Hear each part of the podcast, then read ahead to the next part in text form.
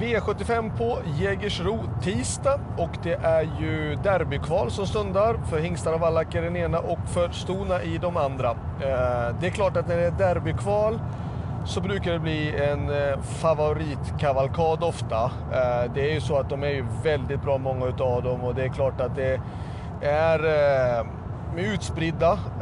De är utspridda så de möter inte varandra. Men i några av loppen så möts ett par riktigt jämna hästar också. Men vi börjar i den första V75-avdelningen och det är ju såklart nummer två Francesco Zet som är stor favorit och han är ju även den stora favoriten att vinna hela derbyt.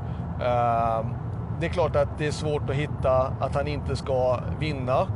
Eh, och han är en bra spikförslag. Eh, den som är värst emot då tycker jag nummer 5, LA Boko i sådana fall. Men han har spår utanför Francesco. Ehm, ja, men han är väl en av de som är intressantast i alla fall där bakom.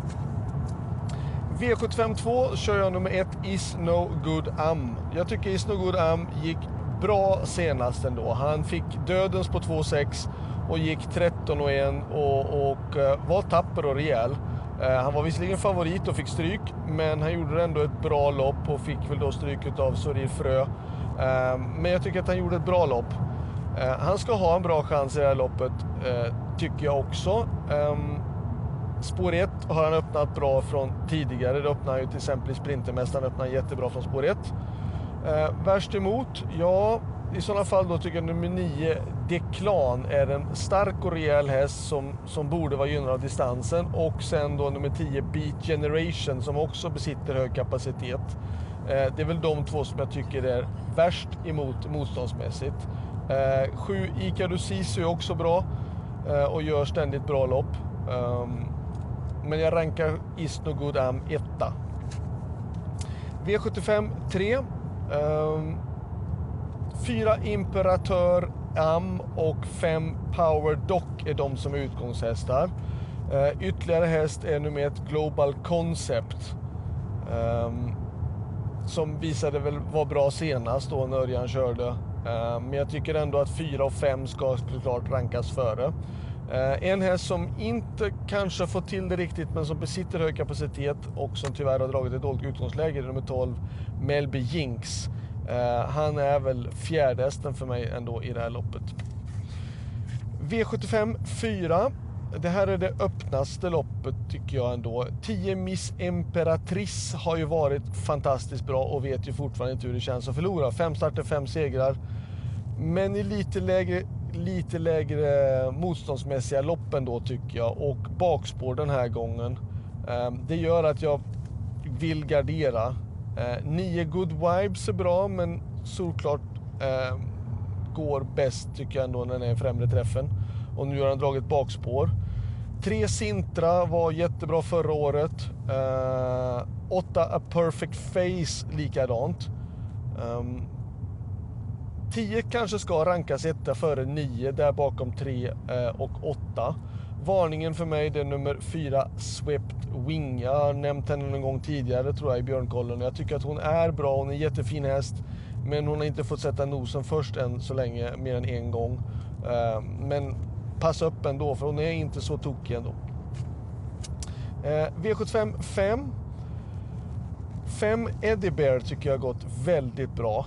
Eh, uh, varit ute i tuffa gäng, fick ju stryk av Francesco Zet i, uh, och Isno Good Am i Sprintermästaren men spurtade väldigt bra. Uh, fyra Do What You Do Well tycker jag har varit inte alls lika bra som förra året hittills i år men han är ju ändå ganska så allround och skulle han få ledningen så kanske han bjuder upp till lite, lite motstånd ändå mot fem Eddie Bear.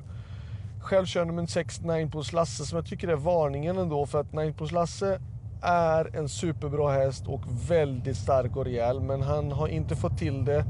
Ehm, han var ute på Örebro då i april och funkade inte den gången och efter det har han inte startat. Så att det är klart att det är stort frågetecken på formen på, på 6 9 Lasse. Ehm, men jag tycker det här loppet, 5 ska rankas etta. Sen då 4, 6 och där bakom är det väldigt öppet lopp skulle jag vilja säga. Det mest öppna loppet utav de här försöken. Eh, V75 6. Jag kör nummer 7, Luleås Boko. Luleås Boko imponerade på mig oerhört. Örebro var han bra. eh, och vann, men inte jätteimponerande. Men däremot senast så var han väldigt bra. Eh, han vann på ett tämligen enkelt sätt, helt joggandes. Eh, och jag har stort förtroende för Luleås i det här försöket.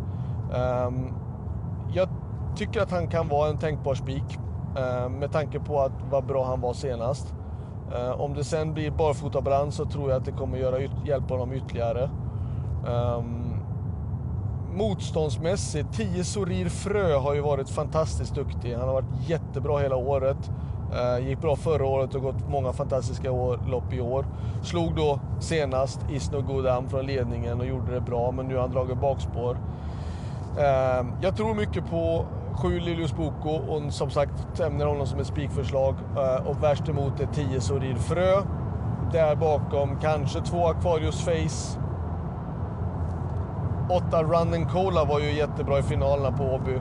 Men han har tyvärr dragit ett tråkigt utgångsläge. Eh, V75 7. 3 Kentucky River är eh, en väldigt bra häst som är gynnad av distansen och jag tycker att han kom in i ett väldigt väl lottat lopp för hans del också. Eh, och solklar första häst och tänkbart spikförslag den med. Ehm, värst emot, ja. Eh, fem Mustang Racer besitter styrkan. 7 Inspiration har formen. Bakspår. 9 Kövras Joker. Ja, men det blir betydligt tuffare motstånd den här gången. Ett Blackfire kör jag själv. Tycker det är intressant. Hästen har gått väldigt bra. Uh, har ett bra läge för att kunna lyfta med här till att kunna vara, kanske strida om den där finalplatserna. Men 3 Kentucky River är den solklara första hästen. Eh, slutsummering. Ja, bästa spiken är ju såklart redan i den första avdelningen, nummer två Francesco Zet.